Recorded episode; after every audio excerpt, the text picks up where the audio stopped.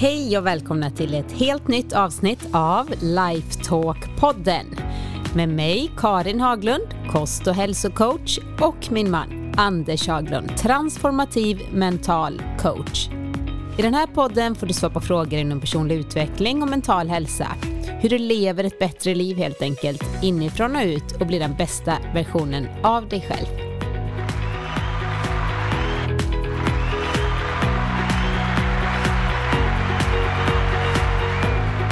Hej Anders! Hej Karin! Hur mår du denna vackra vinterdag? Jo, jag mår ju fantastiskt. Kung Bore har tagit ett fast grepp om eh, händelserna, vilket då kanske inte nödvändigtvis är så att eh, det är när man lyssnar på det här eftersom det är några dagar emellan. Men det är fantastiskt att titta ut på nu i varje fall. Ja, nu är det väldigt vackert och väldigt kallt. Ja, det är det. Knirrigt och knarrigt överallt. Det är tur att du eldar eldar och eldar. Ja, det får man göra med de elpriserna som blir med en gång, eller hur? Man får ju göra vad man kan. För att... Vi bor ju i ett gammalt hus och eh, det är jätteskärmigt, men det är ju inte så här. Alltså jag tänkte på, vi äh, pratade om det här om dagen. Man håller handen på ytterdörren, eller dörren är liksom iskall. Det är klart att det, det blåser in från de här gamla fönstren och dörrar och det är inte ja. som ett nytt hus. Nej, det är det ju inte. Det är lite skillnad nu med olika standarder och tjocklekar på väggar och isoleringar och Men det luftlager och annat. i alla fall som du brukar säga, ett sånt där gammalt hus. Mm, det gör det ju. Det är, det är ju 110 fin, år gammalt huset. Jag kommer ihåg när vi hade 100-årsfest. Ja. är det någon annan som har haft det? Man kan ju, har man ett nytt hus kan man ju ha så här ettårsfest och tioårsfest. Och, ja, det är roligt. Man ska fira allt man kan. Vi hoppas att ni har fått en jättebra start på 2024. Och ja. nu är det ju helt klart och ligger ute på vår hemsida vårat, eh, av våran kurs. Retreat. Ja, tre dagars kurs nere emellan Malaga och Marbella på fantastiska Casa Bodi. Mm. Ett magiskt ställe vi har hittat som påminner lite om där vi har varit tidigare i Sverige, alltså fast det var i Båstad. Just det där bara nio rum. Det. det. är väldigt så här hemma hos-känsla. Villa Kungsberga var det hette va? Precis, men det finns faktiskt inte längre nu det finns, men det är inte... Inte längre något man kan hyra in sig på och sånt? Nej, Nej. de bor där själva.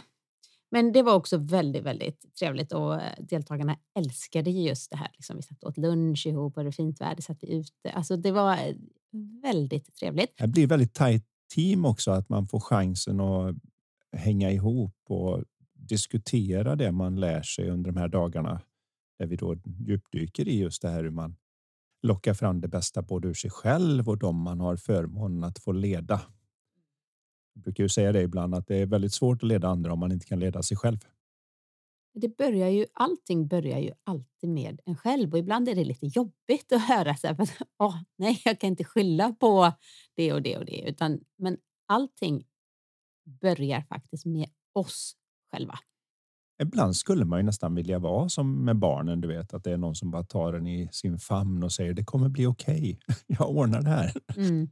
Men eh, som vuxen så är det lite andra ansvar och annat. Och eh, sanningen är ju den att om inte vi händer så händer det inte så mycket. Och då gäller det att se hur kan jag undanröja friktionen mellan mig och att det händer? För det är ofta det det handlar om. Så hur gör jag det så lätt som möjligt för mig själv? Och då är det bästa sättet att få bort friktion. Det är att ha en högre förståelse för vår egen mänskliga psykologi. För det hjälper oss med alla åtta miljarder människor på planeten, oss inkluderade. Och det är så fantastiskt. Så de här tre mm. dagarna kommer att bli någonting härligt. Så ni som lyssnar och har funderat lite grann och tänkt att skulle man inte kunna få vara lite med lite djupare i det så är det här en av de där chanserna nu då den 3 till 5 maj. Mm. Och vi har redan ett gäng anmälda så det är ju inte jättemånga platser. Så man får, är man intresserad så mejlar man mig på karin.lifevision.se eller så går man helt enkelt in på lifevision.se och kollar under aktuella event. Ja, och då kan man se lite mer information om vad det är som gäller och hur det funkar och så. Men där vi kommer ju vara en liten liten tajtare grupp när vi gör det här. Så att så många platser finns det inte kvar nu för de som Nej. är intresserade. Men det är verkligen något att se fram emot om man har det inbokat. För den som kanske inte riktigt fick i jul vad de hade önskat sig allra mest så kan man ge det till sig själv eller sina anställda. Precis. Så nej men nu, förra veckan hade vi ju, det blev väldigt uppskattat, ett lite annorlunda, eller förra veckan, alltså förra avsnittet för två veckor sedan. Ett lite annorlunda avsnitt där vi djupdök i målsättning och att skapa det bästa fokuset för 2024. Denna gången är vi tillbaka med era vanliga frågor igen. Ja, nu är det det vanliga ja. formatet där jag vet inte frågorna och Karin har valt ut lite Karin av er lyssnares eh, frågor som har kommit in. Mm. Så eh, vi börjar här med en fråga från Maria. Hej och tack för en väldigt bra podd. Jag lyssnar på varje nytt avsnitt. Jag undrar om ni kan hjälpa mig med det här. Jag har många järn i elden, har olika jobb som jag gillar, har hobby och familj, två barn och man och hund. Mitt problem är att jag är så tidsoptimistisk. Jag vill så gärna hinna med så mycket, för allt är så kul. Men det resulterar i att när jag vaknar en lördag morgon till exempel tänker att jag ska göra en god frukost som vi ska äta i lugn och ro. Sen tänker jag att vi ska göra olika saker under dagen. Förlåt om jag bara skrattar, men jag känner till. Känner igen det lite eller? det skulle vara som att jag har skickat in den här frågan. Typ gå ut och gå, nej vad står det? Typ gå ut med hunden, organisera i något skåp, baka rawfoodbollar och ha elva fika med grön smoothie till hela familjen. Plantera lökar i trädgården, pyssla med barnen och kanske jobba lite vid datorn. Men i takt med att klockan går blir jag mer och mer stressad över att tiden rinner iväg och att vi inte har hunnit fika. Och nu är det lunchtid redan. Förlåt om jag skrattar. Igenkännelsefaktorn är väldigt hög här. Ja. Så det här blir en fråga från Maria och från din fru. Logiskt förstår jag ju att det inte kommer få till allt jag kanske tänker nu bryter Karin ihop här fullständigt. Det är nästan som man önskar att man var på Youtube och hade det filmat tycker jag faktiskt. Oj, oj, oj. Men ändå blir jag stressad och besviken.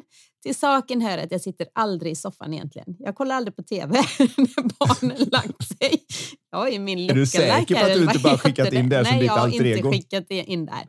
När barnen lagt sig jobbar jag eller bakar bröd eller förbereder frukost eller går ut och går med hunden. Här skiljer det sig då. För när ja, barnen sover... Nej, vi har ingen hund. Du la till den och för jag, maskerat. när du. barnen sover så sover jag också. Ja. Så där, lyssna nu, det här är inte jag som har skickat in den här frågan. På ett sätt känns det som jag jagar igenom hela livet. Massor av roliga saker och tycker tiden hela tiden är för knapp. Har ni lite råd för jag kan vara harmonisk fast ändå kunna ha flera saker för mig? Eller i så fall, hur ska jag slå ner på takten? Jag tycker verkligen mycket saker är väldigt kul. Hälsningar från Maria då. Ja, Maria, mm. jag är inte rätt person att svara på det här, men jag kommer nog flika in lite. Men jag ska ge ordet till Anders som en gång för alla ska bena ut här. Hur jag och du då, Maria, kan tänka lite kring det här. Jag känner igen mig jättemycket. Älskar också så mycket, har så mycket idéer, så mycket planer varje dag. Mm.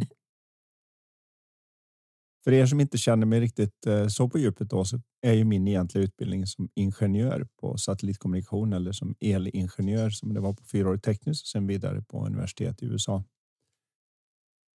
Och jag tittar ju gärna lite vetenskapligt på saker och då gillar jag principer, saker som man kan säga att det här är ju faktiskt sant. Den första som jag tänker på när jag hör det här. Det är just det här att om jag har ett problem som kvarstår under en längre tidsperiod vilket då det verkar som det är för Maria. Och att det här har jag kämpat med ett bra tag. Och jag har så stora och goda förhoppningar. Varenda morgon jag vaknar så är det verkligen nu, banne med ska det bli en perfekt dag. Nu ska vi erövra världen och familjen och alltihopa och det ska bli så fantastiskt. Och sen slutar det då med besvikelse och tandagnisslan någonstans på vägen. Då vet vi det att vad man än själv tror är lösningen är själva problemet. För om jag verkligen hade lösningen i min hand så skulle det vara löst när det har gått så pass lång tid.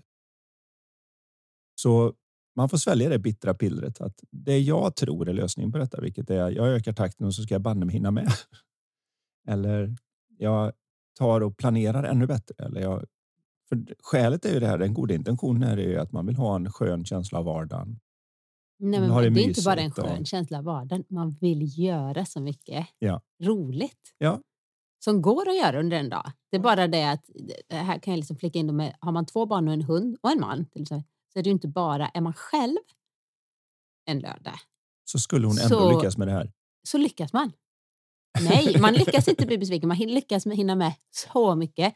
Men jag tror det att man glömmer av att så säga, eh, räkna in tid för att alla andra kör inte på i samma tempo och det tar, allting tar lite längre tid när man har barn och det, så vidare. Det blir lite grann som vissa chefer på företag säger. Om det inte var för de jäkla kunderna så hade det varit en bra business.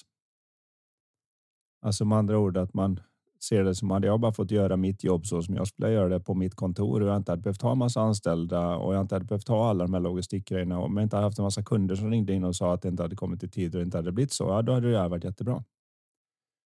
Men nu bor vi ju tyvärr inte i en utställningslokal där vi kan ha perfekt koll på laboratoriet, utan det är ju allt det andra runt omkring.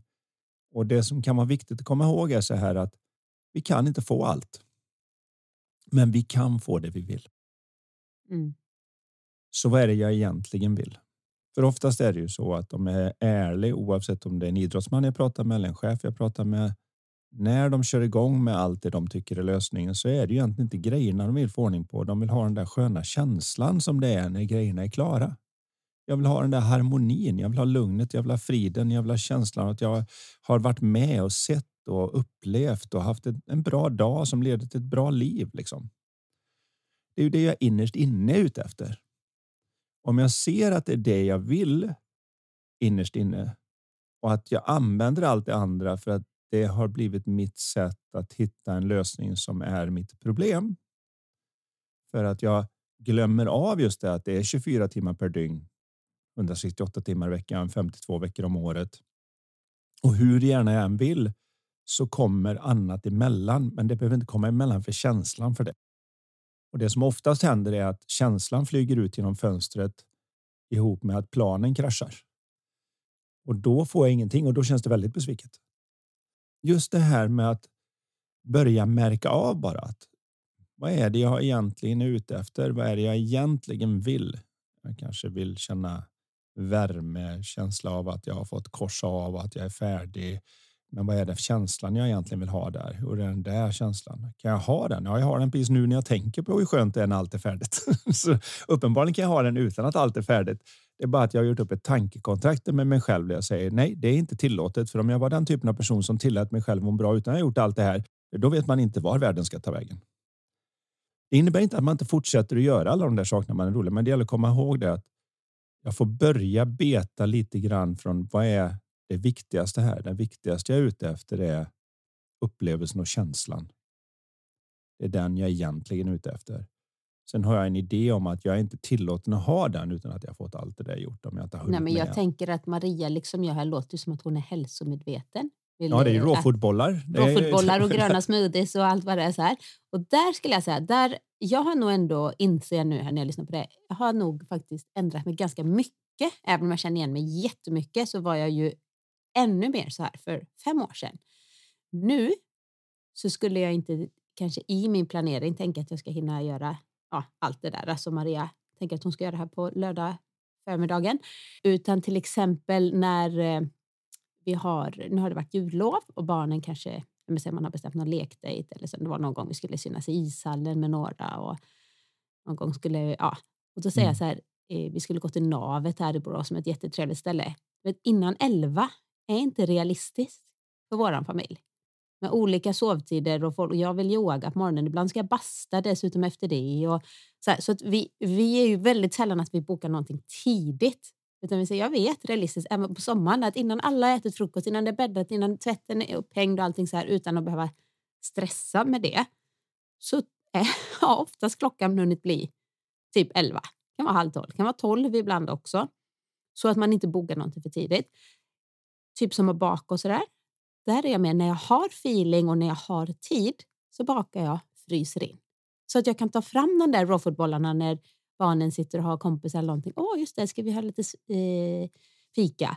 Ska jag göra en smoothie så låter jag dem vara med till exempel till en fika, för då umgås man under tiden. Så allt behöver inte vara helt perfekt färdigt och säga tada, här är det, utan då får de vara med så umgås man under tiden. Ska jag till exempel städa ett skåp, nu är det, eh, gillar jag att göra det, det är absolut inte Anders favoritsysselsättning, men ibland säger jag så här, men du, nu, nu gör vi det här, eller som när du skulle vet du det, plocka ner julgranen och allt julgrans, det är liksom din grej. Du brukar alltid göra det varje år. Men du sa, nej men då hjälper jag dig. Säg till vad jag ska göra så gör vi det ihop. Ja, tomtar och julstjärnor och sånt sätta upp också. Nej, jag sätter upp alla julstjärnor älskling och alla Förutom de som ramlar ner så jag får spika upp dem igen. Nej, ja, det var en, en liten spik som hade åkt av och som jag inte fick in. Men ja, ja, oavsett så är det som så att att man kan liksom tänka vad det jag vill ha. Jag vill ha tid med familjen, vi ska äta hälsosamt. Okej, okay. vad kan jag preppa? Som igår kväll, kom du ihåg det när vi hade lite frukt? Eller mm. det åt framför tvn. Och så för väldigt sällan, så hon hade ätit väldigt mycket hela dagen igår. Så vill, liksom, det blev inte uppätet. Och då sa jag, men eller vill du, kommer du äta detta nu eller ska vi stoppa det i en smoothie och förbereda till imorgon? Oj, vi gör en smoothie. Då gick vi ut, klockan var ganska sent, gjorde en smoothie av det och liksom la till lite hallon och blåbär och så. Och ställde i kylskåpet. Och visste, åh, då har jag min frukost. Då har jag liksom den till frukost imorgon. Så lite, du vet, tänka steget. Ja, för då kan du före. få det där som kan många missar. Det är att man kan faktiskt få kakan och ha den kvar. I den verkliga världen kan du inte det. Du bakar en kaka, du har en kaka, du äter upp kakan, då har du inte kakan kvar. Om du har tjänat en viss mängd pengar så gör du åt de pengarna så har du inga pengar kvar. Så vi vet ju att det där stämmer. Man kan inte äta kakan och ha den kvar. Men mentalt så funkar vi efter helt andra regler, för där är vi lite mer imaginärt kvantmekaniska. Vad jag menar med det är att vi kan faktiskt ha vad andra tycker är stressigt och bara göra det fort och ha roligt under tiden. Mm. Vi kan faktiskt inte ha någonting att göra och ha vad alla andra skulle tycka var uttråkning, men ha en livfull fantasi mellan öronen som gör att tiden flyger förbi och man oj, har det gått tid när man väntar på ett flyg eller vad det nu än är. Bara att se att möjligheterna är helt annorlunda mellan öronen än i den verkliga världen. För vad man gjorde. Och det här är min upplevelse från 1978 för att bara förklara hur gammal man egentligen är. När jag började då, när, när Karin föddes, då började jag med mental träning. Föddes 1978. Ja. Då började jag med mental träning och då var hela grejen var hjärnan är, fungerar som en muskel så därför ska vi träna den som en muskel. Så hur definierar vi hur ett gym ser ut för hjärnan? Hur definierar vi hur hanteln ser ut för hjärnan? Hur ser dragmaskinerna ut och calebellcrossarna ut? Och så skapar vi ett mentalt gym och så börjar vi träna hjärnan så ska den växa och sköta sig som en muskel. Det var så man tänkte om hur det funkade. Men det är två helt olika världar. Den fysiska världen fungerar så, den mentala världen fungerar inte riktigt på samma sätt. Självklart skapar vi gångar i hjärnan. Det blir som att gå en stig. Om, det går, om alla går på samma ställe så blir det en stig i skogen och den växer inte igen för att folk fortsätter gå där. På samma sätt är det med våra minnen och våra funktioner när det gäller teknik för en idrottare eller vad det nu än är. Men det handlar inte om någon sorts styrka utan vi är redan födda med allt som behövs mellan öronen. Så där är, funkar inte likadant. Vi måste inte göra en massa för att förtjäna en skön känsla. Vi kan gå rakt på den sköna känslan och det gör barn för de har inte fått lära sig än att man inte får det när man har den sköna känslan så blir det väldigt logiskt när man då tittar på sina ja, mål för dagen eller sina idéer att ja, men okej, baka mitt i det här, det, det, kommer det, det stryker jag. Ut, alltså, utifrån den känslan blir det så tydligt, men just det och nu nu blev ju den, nu skulle det barnet iväg till en kompis. Men okej, men då kan vi andra promenera dit för att lämna och bla bla bla. Alltså man kommer på nya idéer utifrån den. Men är man redan då besviken över att nej, nu blev det ingen elva fika här eller nej. vad det var. Men då är risken och, och då att det blir... låser det sig lätt. Ja, och det blir lätt lite mer irriterat i umgänget med andra för att jag inte fick gjort det jag skulle vilja och så tappar man det man egentligen var ute efter. Det är det jag menar med att det jag tror är lösningen är själva problemet. Och det är ingen som är immun mot det här. Så jag kastar första stenen i glashuset. Men jag vill bara säga att med lite medvetenhet om det så kan vi i varje fall göra så att det blir så lite som möjligt. Och vi kan få en skönare relation och få mer av det vi faktiskt ville ha snarare än det vi trodde att vi var tvungna att fixa för att kunna förtjäna känslan. Så vi börjar med känslan, ser att den kan jag ha bara jag lättar trycket mellan öronen och från den känslan så ser jag vad som verkar vettigt att ta tag i och hur mycket jag kan ha med Och sen så kan jag lite medmänskligt skratta åt det jag inte hann med snarare än att vara riktigt besviken, irriterad och frustrerad över det jag inte hann med. Mm. Och märkligt nog får man då oftast mer gjort ifrån det än från den andra där det så att säga bromsar upp i känslan och det blir mer elände i olika relationsfaser och annat som kostar mer än vad det gjorde och så hamnar man ännu mer så att säga efter eller ur fas som är Karins lilla favorituttryck för detta, att hamna i fas och ur fas. jag älskar att vara i fas. Ja. Men det var länge sedan jag sa det nu faktiskt. Ja, det, det. det, betyder kanske att jag är lite mer i fas eller att jag har struntat i om jag är i eller ur fas. Och det är ganska mer okej okay med det. Och, och ska vi vara riktigt ärliga om den då så är det inte att du har struntat i det utan det är att du inte tar den tanken på riktigt lika stort allvar. Och det är där hemlisen ligger och se att jag kommer inte bli en person som bara då struntar jag allting då. Det spelar ingenting någon roll. Nej, du kommer fortfarande vilja baka. Du kommer fortfarande vilja att familjen är förberedd och klar. Det är bara att du behöver inte må dåligt när det inte blir så perfekt som du hoppas på.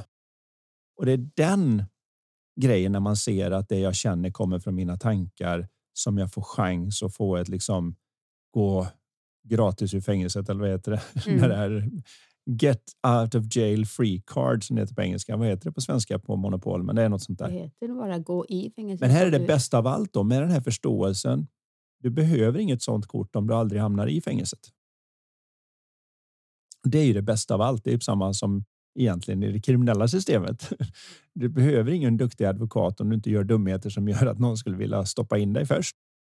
Och det är lite samma mellan våra egna öron, att med en högre förståelse för att det jag egentligen vill ha är de här djupare känslorna av kärlek, omtanke, ödmjukhet, stolthet, värme. Allt vad det nu än är som vi människor innerst inne, om du fick önska av alla din ande, skulle du säga, det är de här känslorna jag skulle gå omkring med i vardagen.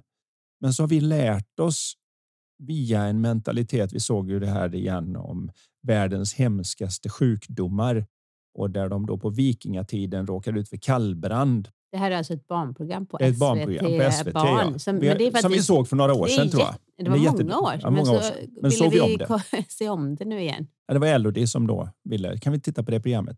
Var fascinerad av det här med sjukdomar.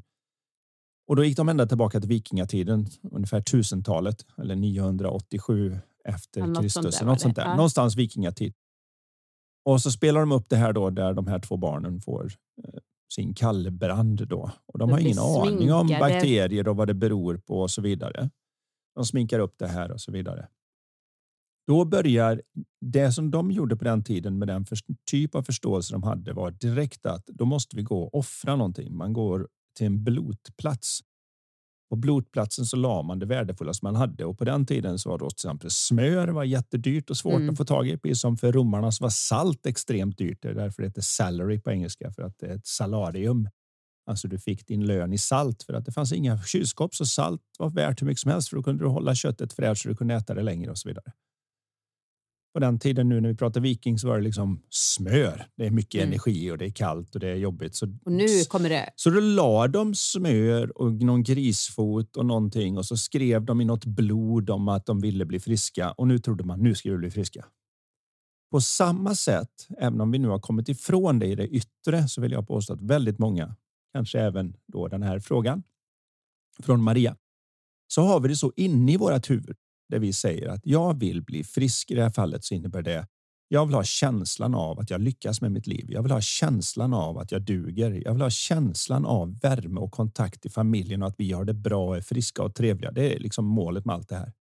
Jag vill ha känslan av att utnyttja livet. Ja. Max. Ja, alltså att man max. tar, tar tillvara. Där är jag, det är där jag fastnar lite också. Ja. Som just det här med att ta tillvara på varje dag. Och då går nästan alla till sin inre blotplats och funderar på vad måste jag offra för att?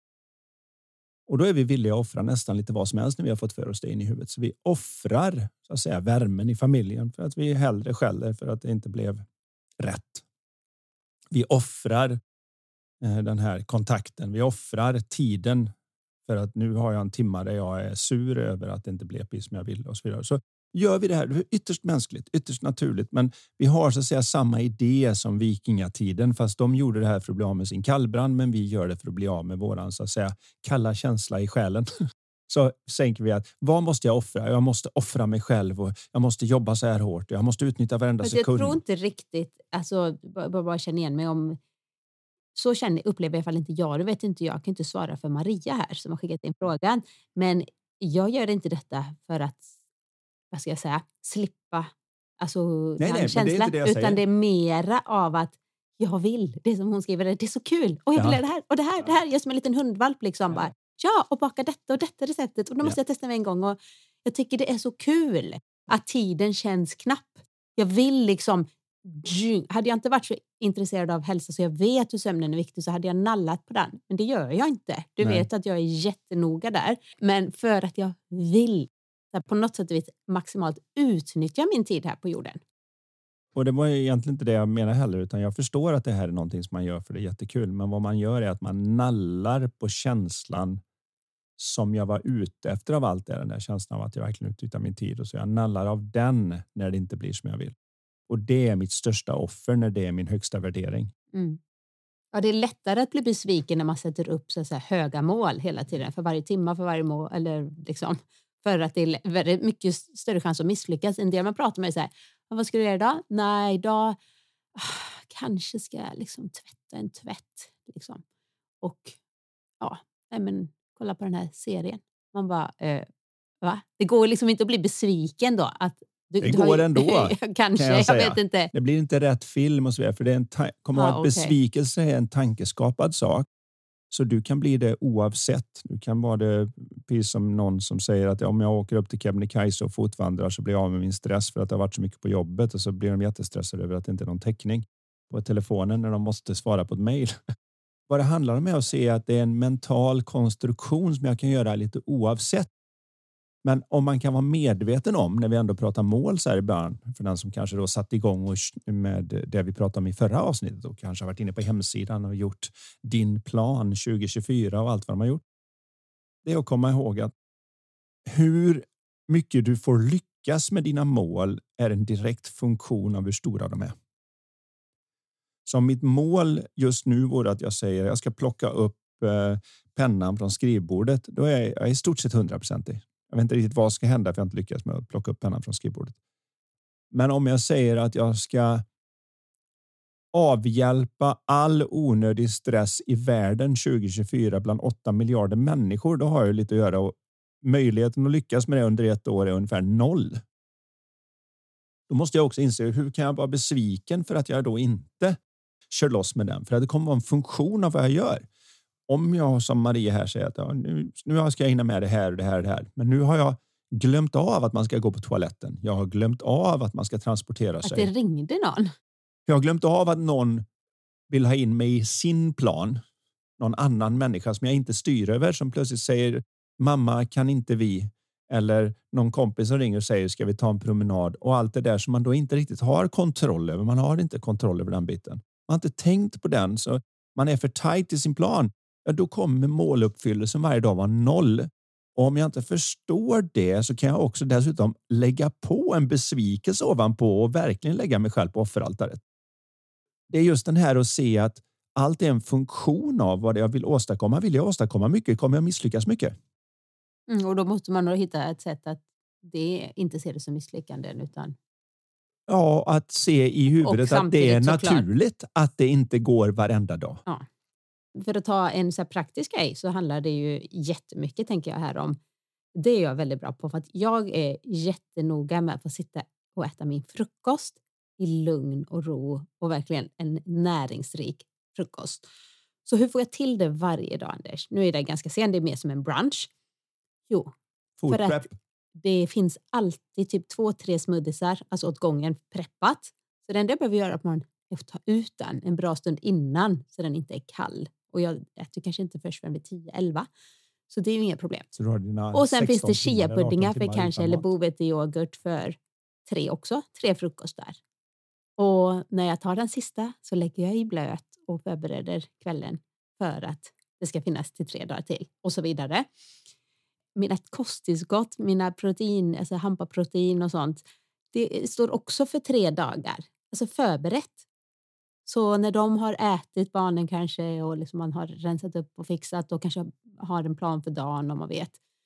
så vet jag att här är min stund. Nu sätter jag mig ner och allt är färdigt. Det tycker jag underlättar jättemycket. Så där kan man ju testa och då är det alltid någon som säger så här, ja men är det verkligen så mycket näring då, liksom dag två i smoothiesen? Nej, det är inte lika mycket näring som precis när du, om du alltid gör den eh, färsk. Men det är fortfarande jättemycket näring. Det är bara att det, det sjunker självklart, även om du har den i en glasburk med lock och så vidare.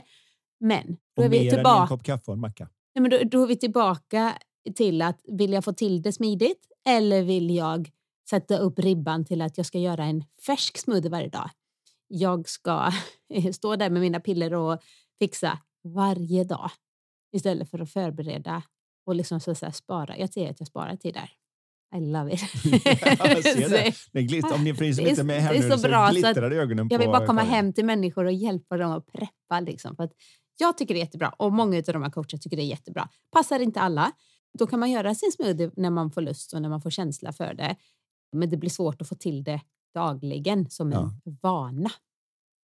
För mig är det ändå den stora lösningen är just att se det att 100 procent av allting jag känner kommer från mina tankar. Och att om jag frågar någon under 27 års tid och det är även innan jag själv ens var inne på detta. Om man skulle fråga någon varför mår du som du mår så skulle ingen svara för att jag tänker som jag tänker just nu och tar det på allvar. Det skulle ingen säga. Nej, det är för att min son inte, min eh, brorsa inte, min kompis inte, för att världen inte, för att chefen inte, för att det här hände och för ekonomin och räntan och kylan och värmen. Omständigheter, alltid, omständigheter alltid som vi går till. Det är där vi söker svaret till varför mår jag som jag mår nu? Och det är där vi försöker fixa. Men det är inte fel på att fixa sina omständigheter. Om man förstår det du pratar om så är steg två är att... Jag säger inget om att man ska sätta sig i en grotta för att bevisa att man har fattat och bara sitta och säga att jag behöver inte med mina sandaler och mitt höftskynke. Det vill jag säga är att gå ifrån vad vi människor är gjorda för. Vi människor är gjorda för att lämna saker och ting bättre än vad vi fann dem. Det är då vi känner att vi lever våran mening när vi när vi märker att jag gick in i ett rum. Jag lämnade bättre än jag fann det. Jag träffade en kompis. Jag lämnade henne eller honom bättre än jag fann dem. Jag gick in i det här businessprojektet, lämnade bättre än jag fann det. Där är själva meningen med det. Precis som i övrigt naturen. Antingen så växer det eller så dör det. Att tro att bara för att jag förstår nu att det är mina tankar som gör att det är så jag känner så ska jag sluta göra någonting på utsidan. Nej, nej, nej, det är inte vad jag säger. Mm. Fortsätt göra det som är vettigt. Du måste ju skaffa tillräckligt med resurser för att kunna uppfostra dina barn, ge dem mat och dig själv mat och så vidare. Det har inte med detta att göra. Jag säger bara det blir bara tydligare när man mår, alltså har mental klarhet så blir det så tydligare. Vad, okay, hur, hur lägger jag upp den här dagen? Alltså det blir enklare, tydligare och lättare att se. Det här är viktigt för mig. Okej, okay, hur, hur gör jag det? Och det blir väldigt mycket lättare att få en varningssignal när jag går ur det då, när jag plötsligt tycker det att nu blir jag lite sur eller nu känner jag mig besviken och så börjar jag med svaren. Varför är jag besviken? Och säger för att jag inte hann med det här och det här. Jag borde ha preppat det här. Jag borde. Nej, det är inte därför du är besviken. Du är besviken för du har besvikna tankar just nu. Punkt. Finns ingen annan anledning. Kommer aldrig finnas någon annan anledning. Det är det enda sättet du har besvikna känslor och att se den absoluta icke förhandlingsbara delen i det gör att man kan vara mycket bättre på det andra. Men det finns ingen som inte hamnar där för hjärnan försöker säga mm. att det är så det ligger till. Så där är väl hemlisarna är det att se att sätt stora mål, men var fine med att stora mål gör att du inte kommer att lyckas lika ofta. Sätt små mål så lyckas du, men om du nu tror att det är själva uppfyllandet av mål som ska göra att du mår bra. Ja, du sätt många små mål och lyckas med dem då, men du kommer inte må bra av det. Det är som när jag pratar med idrottare. Om du vill vinna och tycker det är viktigt att vinna så bara se till att göra som man gjorde i boxning förr i tiden. Man valde motståndare som man visste att man skulle vinna mot. Ta någon som är sämre än dig och så banka ut dem. Och så vinner du 12 sådana matcher och så får du en chans mot världsmästaren. Men sanningen är ju att... Det ger inte den tillfredsställelsen. Nej, för då ska det vara fem... tomhet istället. Ja, det är 50-50 som är det roligaste. När det är lika stor chans att förlora som att vinna. Det är nu jag kan göra någonting med min ansträngning, min intelligens, min förmåga. Det är nu jag kan tippa oddsen så att jag kan var faktiskt bättre än 50 procent för att jag har gjort vad jag kan. Det är nu det börjar kännas riktigt tillfredsställande. Det tror jag vi alla är med på. Men samtidigt då ska man det att jag kan lyckas med det och tänka otillfredsställande tankar och så känns det tomt fast jag lyckas med något stort. Mm. Vad det här allt det var. För 100 procent av vad jag känner kommer från mina tankar. Och att bara kunna förstå det när jag pratar med mig själv. Så jag säger det. Det är klart att jag är besviken när jag tänker besvikna tankar just nu. Inte för att min Och familj höll på. okej. Ja, och det är fine. Det är fine. Men bara det. Så jag behöver inte göra något med det. Det är själva förståelsen i sig som ger mig ett du går fri ur fängelsekort. Mm. För det värsta fängelse som finns att sitta i är ett som jag inte ens vet att jag sitter i. Så sant. Väldigt bra. Fick jag coaching här på köpet. Men också förståelse för att jag faktiskt har kommit en bra bit på väg. För Mm. att det var ju, jag satt ju verkligen fast lite med det här med tid och jag ville åstadkomma så mycket. Åh, det är så roligt allting. Alltså så var jag lite nästan manisk. Många skulle nog säga att jag var lite manisk. Liksom. Ja. Och det att göra så här. Jag är mycket mer inser nu att vad chill jag är. Liksom. När jag säger att Nej, men vi möts, vi, kan, vi hinner inte dit innan elva. Eller ska vi säga halv tolv. Jag vill inte stressa och, och liksom, jag vill ta den här tiden. Så att jag, jag har ju verkligen, eh, ja, ja men okej, härligt. Vi kör en ny fråga Anders. Eh, det här blir spännande att höra vad du säger. Hej Anders Karin, vad glad jag blir när jag lyssnar på er podd. Ni är ju båda kloka och roliga. Det är så fint att höra hur ni verkar komplettera varandra så bra. Nu är jag nyfiken på en sak. Blir ni aldrig arga, upprörda eller säger fel saker till varandra? Skriker, kastar saker, slänger in dörrar, sårar varandra med ord? Jag och min man bråkar rätt ofta tyvärr, men samtidigt har vi det väldigt bra med varandra också. Vill ni ta upp denna fråga vore det intressant att höra om ni även ni bråkar ibland.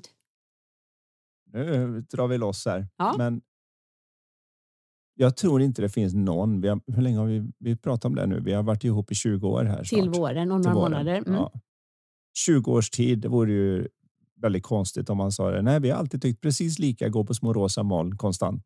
Det, det, det- händer ju inte. Det går ju, allting går lite, i, alltså liksom lite upp och ner. Sådär. Jag skulle nog säga att när, jag, när det har varit en period där vi inte hinner liksom så prata med varandra. Vi pratade lite om det här med de fem kärleksspråken och så igår faktiskt, tror jag det var, eller i förrgår. Jag tycker det är så himla intressant. Alltså när vi hinner liksom connecta lite och prata om någonting. För mig är det väldigt viktigt med så här, ja, men djupa samtal. Berikande samtal. Känna att jag liksom connectar. Om jag känner att jag inte haft det utan det bara varit servicepersonal in ut, hej då, ja, så här. Då, då blir jag mer lätt-triggad liksom. Ska säga. Inte arg, men lite mer så här. eh, Jag vet inte, bråka. Jag vet inte riktigt hur folk bråkar, men vi kastar saker gör vi inte. Jag kan nog kanske lite demonstrativt ja, stänga en dörr lite så här hårt bara för att jag är lite irriterad Mm. eh, och stampar lite liksom, gå upp i trappan eller någonting. Att, Går lite här- extra på hälarna. Ja, men du vet, lite så för att demonstrativt. Men så absolut, jag skulle säga jag har väldigt lätt i mina känslor. Jag, är, jag har väldigt lätt att vara glad, ledsen, uppåt, neråt, allting. Men jag vet inte, jag bråkar på det så. Frustration kanske jag kan känna ibland med det. Det gör ju alla och det, då är vi tillbaka lite där vi slutade förra gången då att det är ju fine. Det är just bara när man får för sig att känslan i sig kommer från den andra personen och man börjar skylla den på den som man är på väg i en nedåtgående spiral. Mm. Det innebär inte förresten som många tror då att ja, men om jag släpper det, då har jag ju sagt att det är okej att de inte plockar undan efter sig eller det är okej att de aldrig söker upp mig och vill ha närhet eller det är okej att oavsett vad det nu än är som man är stötestenar. Det är inte vad vi säger alls, eller i varje fall inte vad jag säger är. Fortfarande kan man prata om de saker som man vill ska vara annorlunda. Problemet blir när man har en känslomässig investering i det, för då blir aldrig samtalet så att det leder någonstans, utan Mm. båda två blir defensiva och börjar skydda sig. Det är Och- som någon gång har du liksom kommit och sagt så här, men vad är det Karin? Liksom så här, eh, men säg det då istället vad det är. Liksom, vet du vad? Jag är så arg just nu. Det har jag alltså varit, absolut varit någon gång. Så så här, prata inte med mig. Alltså jag, kan, jag kan inte prata med dig just nu, för då kommer jag säga någonting som jag ångrar. För jag känner igen känslan av att det är bara för mycket för mig just nu. Jag behöver bara lugna ner mig. Jag berättar, pratar om det imorgon. Du bara, va? Men vadå, är det något, liksom, har jag gjort något? Bara, Tyst. bara liksom, eh, låt mig vara. Och sen kan det gå oftast bara någon timma eller något. Oh, då kommer jag säga, förlåt, jag var, jag var arg, men ja, vad var det? Alltså, jag behöver inte ens säga vad det var. Nej. För jag bara känner igen känslan av att just nu så prata inte med mig. Men det här är en av de största skillnaderna tycker jag. Om man nu skulle se att någon såg det utifrån. Det är ju att vi väldigt sällan behöver ha några långa allvarliga samtal om när någon av oss är låg. Mm. För vi känner Vi igen det. analyserar Nej. inte det. Och varför, Varför sa du så varför igår? sa du så? Jag, blev, liksom, jag förstår inte hur, varför bråkade du med mig igår eller varför, varför liksom, sa du det här? Eh, för att jag förstorar upp det. Mm. Vi För att det är det. så det är. det jag är så, på dåligt då humör så kändes det och då som ser allt dåligt ut. jättestor grej just det man då hade olika åsikter om eller någonting. Men urifrån mental klarhet tillbaka till mental klarhet så är det mer oj, ja ja. Och, det, och det- jag menar samma liksom om jag märker att det, vi klandrar inte varandra där och det kommer jag ihåg att vi redan när vi gifte oss för 19 år sedan blir det ju nu då till våren eller sommaren. Så var det ju någon på, på bröllopet som höll ett tal och sa att och till det sista, gå aldrig och lägger osams. Åh, det Mm. låter så fint. Då tittar Utan vi på varandra för vi redan då var vi ju ändå pratat om det och allting så vi bara mm, den tar vi inte, den köper vi inte. För vi vet att är man inte, kommer man inte tillbaka till liksom balans så ska man inte diskutera det och framför allt inte precis innan man ska gå och lägga sig. Då är det bättre att gå och lägga sig och vara lite så här oense. Och sen på morgonen så behöver man inte ens diskutera det eller så diskuterar man det från ett helt annat perspektiv. Ett känslomässig status. Ja, För det är som åka hiss i en byggnad där man när man är högt upp i byggnaden så har man ett helt annat perspektiv än när man är nere i källaren. Och bara det att man vet om det. För jag kommer ihåg, jag sa ju det till dig. Det var faktiskt min egen far som mm, nämnde så det. var det ja. Mm. Så därför viskar jag i ditt öra att det måste vara det sämsta råd jag har hört. schysst. Är det Men, schysst? ja. Men, och sen så undrar du lite och så förklarar jag efteråt. För att just det här att när man är ur balans så ser allting fel ut. Vi vet det. När vi är ur balans så gör vi stor sak och små saker. Och när vi har lugnat ner oss så ser vi det och säger varför gjorde jag så stor sak av det lilla? Bara att man har det perspektivet och vet att just nu ska vi inte reda ut saker. Vi tar det när vi båda är mentalt klara. Och lite som hon beskriver här i deras förhållande. Mm. Så länge som det är så att när båda två är i balans så vill vi fortfarande vara med varandra och gilla varandra så har vi egentligen inga problem. Att vi har problem när vi är ur balans, det ingår i vad människa. Jag bryr mig inte om om du är ur balans i ICA-kön så har du problem med kassörskan. Men däremot är det klart, om det är väldigt ofta som man är ur balans, då får ju var och en också jobba med, med sig själva. Nummer ett. Problemet är ju att den som är ur balans vill inte jobba på sig själv för de är helt säkra på att om bara den andra personen var annorlunda så skulle de inte må som de mådde. Man skyller det på omständigheterna Så utsidan. för man- båda behöver lyssna på Lifetop-podden. Ja, båda två behöver lyssna på Forum. Nej, men det är det som är lite lustigt också, för jag hade ju faktiskt en kvinna som eh, kom fram till mig på någon föreläsning och så sa hon så här att men vad gör man nu då? För nu har jag förstått vad du pratar om här. Men min man har inte förstått det. Och vad gör man om man är ensam i den här förståelsen? För då, då blir det så svårt. Det måste vara så enkelt för er två när ni förstår båda två. Så här, nummer ett så vet du nog inte om det är enkelt för oss, för du ser bara mig när jag är på scen och vi är här. Men framför allt är det så här att om du verkligen förstår det jag pratar om, vad spelar det för roll om din partner förstår det? Villkorslöshet är villkorslöshet, inte Men det är villkoret lite- att de ska förstå det, det, det är också. faktiskt lite som det här man brukar prata med barnen om någon säger något taskigt. Så här, att man, "Ja, ja, men var inte taskigt tillbaka för att det är, bara, det är den personen mår dåligt. Liksom, som bara, ja, säger man så dumma saker. Det är inte okej. Absolut inte okej för det. Men man ska inte gå ge tillbaka. Om någon då försöker trigga en och säga att du är så ful, bla bla bla bla. Och så säger man tillbaka, men du då, titta dina öron eller något, jag vet inte. Och så börjar man så här, det blir typ pajkastning. Men så om, jag tänker i samma i ett förhållande, om ena parten är låg, så är det så, Åh, du plockar aldrig undan efter dig.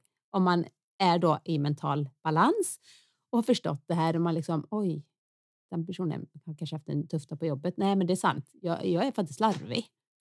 Jaha, alltså då, då förstår du, man ger inte någon så här, kraft till Bränsle det till det. bränsle precis till det bråket. Det liksom svalnar. Ja, och just bara förståelsen att så länge du inte håller på att putta på den andra personen så att säga så får de chansen att självkorrigera. Mm. Människor har ett mentalt immunförsvar på samma sätt som vi har ett fysiskt immunförsvar så har vi ett mentalt immunförsvar. den kommer igång när vi har de där lite jobbiga känslorna och så kommer vi komma tillbaka och det här visste ju gamla generationer när de sa det att prata nu inte med honom utan gå och lägg dig och så får ni prata imorgon eller när de sa något i stil med att ja, men ta det lite lugnt med det där nu och räkna till tio och ta ett par djupa andetag. Och om det var någon som inte var så involverad i det, alltså de var känslomässigt klarare, så skulle, är det alltid deras råd. De hade ingen aning om några psykologiska mänskliga principer, men de hade via vanlig mänsklig intuition sett att världen ser olika ut beroende på var jag befinner mig känslomässigt.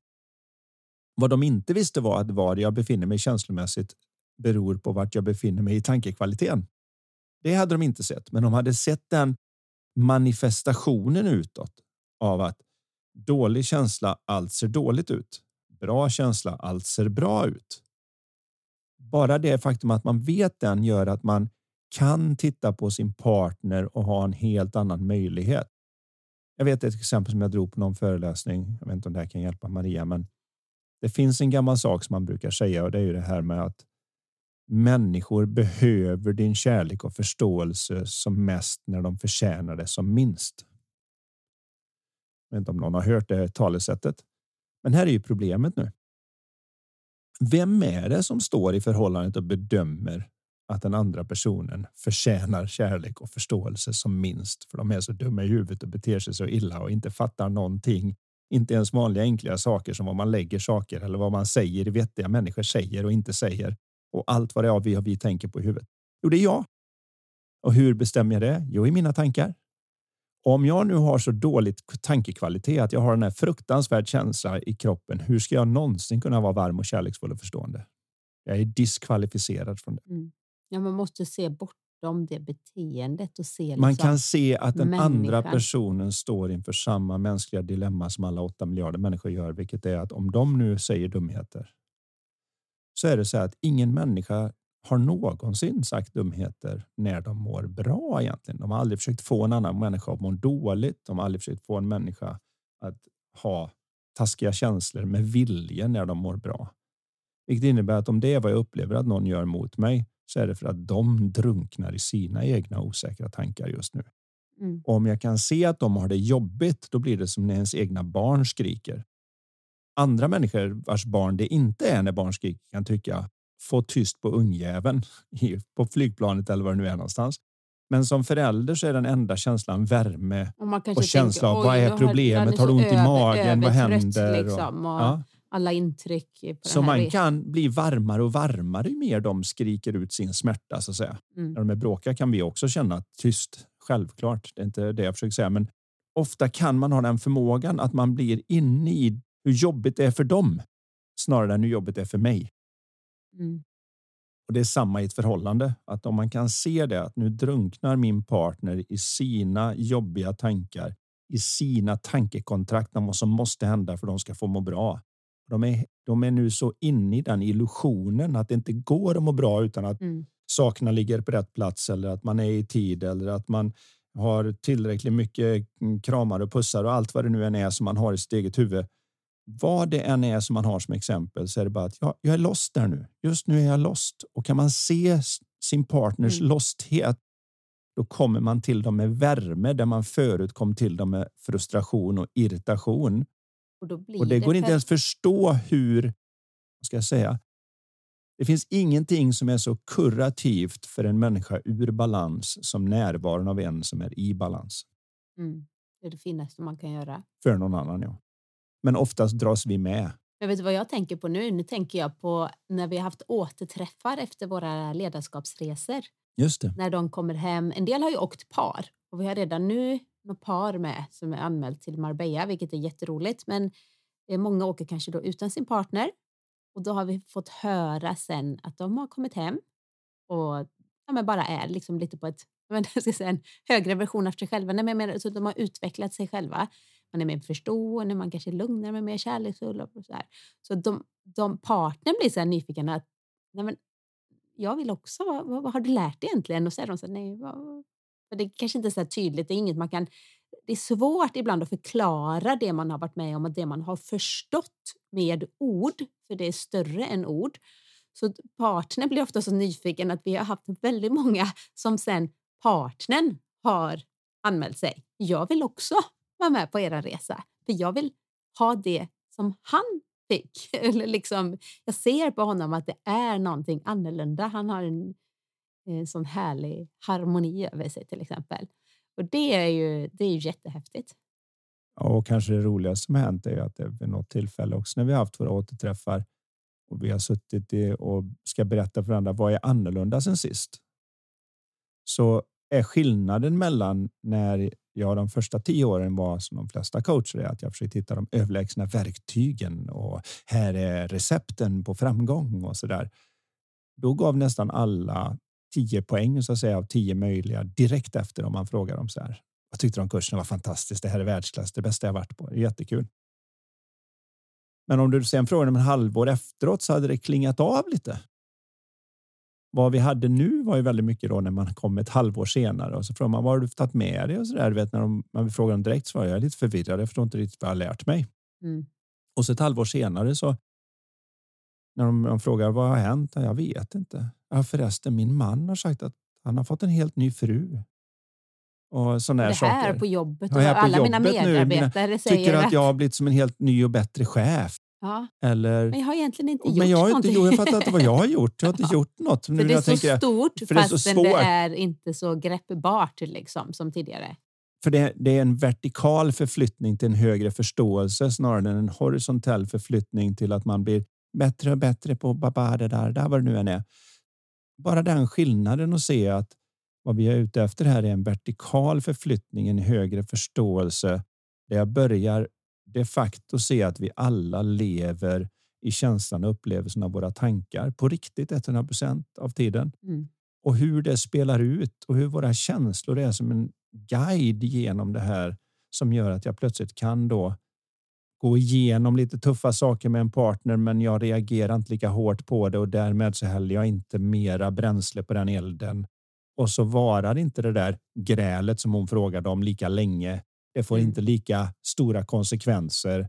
Det behöver inte förklaras och be om förlåtelse, utan man vet lite vad det var som hände. Jag fick en tankestorm. Den såg jätteverklig ut och det såg ut som den kom från dig, så jag var tvungen att gå på dig mm. istället för nu har jag börjat se att den kom inte från dig. Den kom från att jag hade ett oskyldigt missförstånd om mina tankar och känslor. Så uff, det blev lite mycket i huvudet och så skyllde jag det på dig. Förlåt. Mm. Det är ett helt annat ställe än Förlåt, men du måste ändå förstå att det inte är konstigt om jag blir frustrerad när du aldrig, om du inte, om du där, där, där. Det är ju inte, Då är det ju det är nytt inte ens bränsle igen. Ja, det är nytt bränsle igen för ett vi, nytt gräl. Nu kör vi på nu kör vi, igen, älskling. Nu går gonggongen för rond fyra liksom. Jag vet inte om ni så, hör hur stor den lilla grejen är. Ja, men... det är otroligt. Eh, och det var lite intressant fråga faktiskt. Man tänker på det. Men det blir ju mer, vad ska jag säga, mer kanske så här meningsskiljakter skiljaktigheter när man, efter man har fått barn tycker jag. För att det blir mindre tid för oss, mindre tid för reflektion, mindre tid för att ta hand om sig själv. Och då är det tre andra varelser som kräver väldigt mycket. Som man inte som styr också över. triggar oss enormt. Vi har ju tre väldigt energifyllda, eller liksom, alltså de har starka personligheter och Viljor tar plats och, och väldigt starka viljor. Och vi har inte de lättaste... Tycker inte alls att mamma och pappa är något vidare på någonting och inte... Nej. Vet, så det, nej, nej. det här går ju alla igenom. Men, men, men jag menar att det, blir, det är mera triggers nu än jag menar. Jag tror knappast vi hade ens ett helt vanligt klassiskt, alltså lite så här sura på varandra de första fem, sex åren innan fem, barn. Sex åren, ja. Eller? Jag kan inte komma ihåg det i alla fall, Nej, men det kan heller. ju vara jag i guldfisk. Nej, men det, jag Nej, men vi, vi är helt mänskliga. Mycket, men... Vi är människor. Vi åker också upp och ner i den här äh, Ingen hissen, människa på planeten. Den som säger att det här råkar inte jag ut för ljuger om annat också. Utan det är mer att ha en bra förståelse för det som pågår så att jag kan på någon vis hantera den inifrån och ut och inte utifrån och, och in. Och veta vad, hur man så säga, ibland då rättar det lite till rätta. Att man ber om förlåtelse och så, vilket är självklart när man är tillbaka i mental klarhet.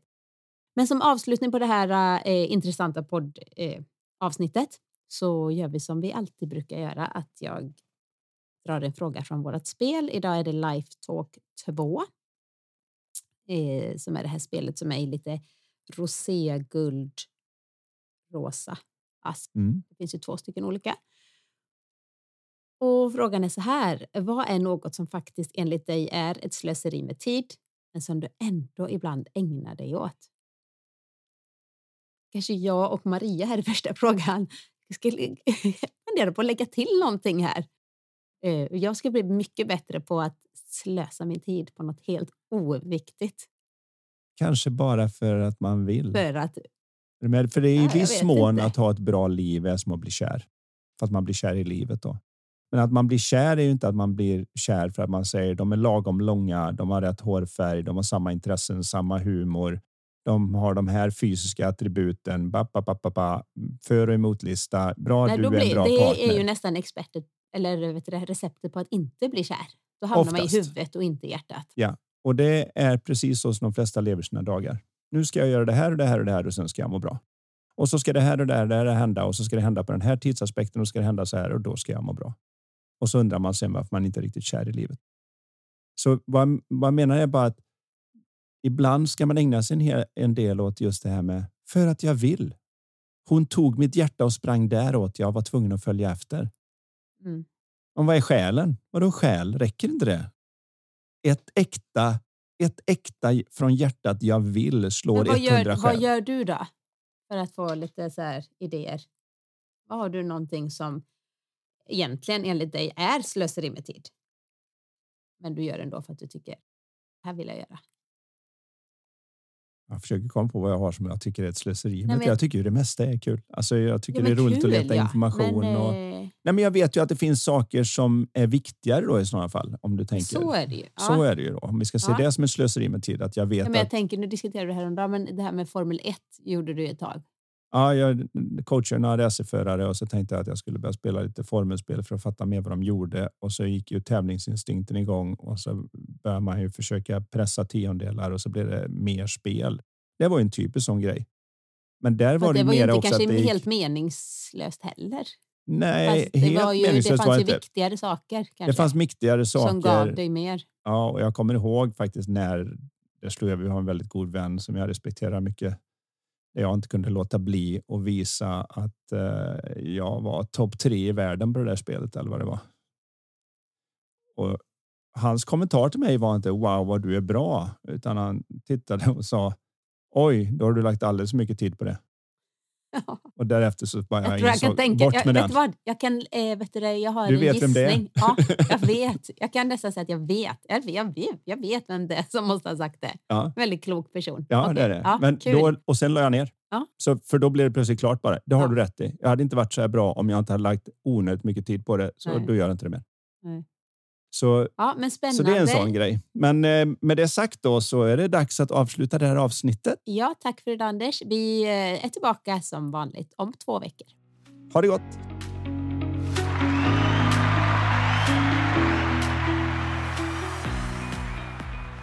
Du har lyssnat på Lifetalk-podden. Vi vore så tacksamma om du vill lämna ett betyg och eller en recension i iTunes. Dina frågor de kan du skicka till oss på lifetalkpodden.se. Spelet Lifetalk finns också att beställa där. Vill du komma i kontakt med oss rörande samarbeten, coaching, föreläsningar och event? Då kan du mejla till karin lifevision.se. Tusen tack för att du har lyssnat. Och du, gillar du podden? Dela den gärna vidare och tipsa om den i sociala medier. Låt oss tillsammans göra världen lite mer mentalt välmående.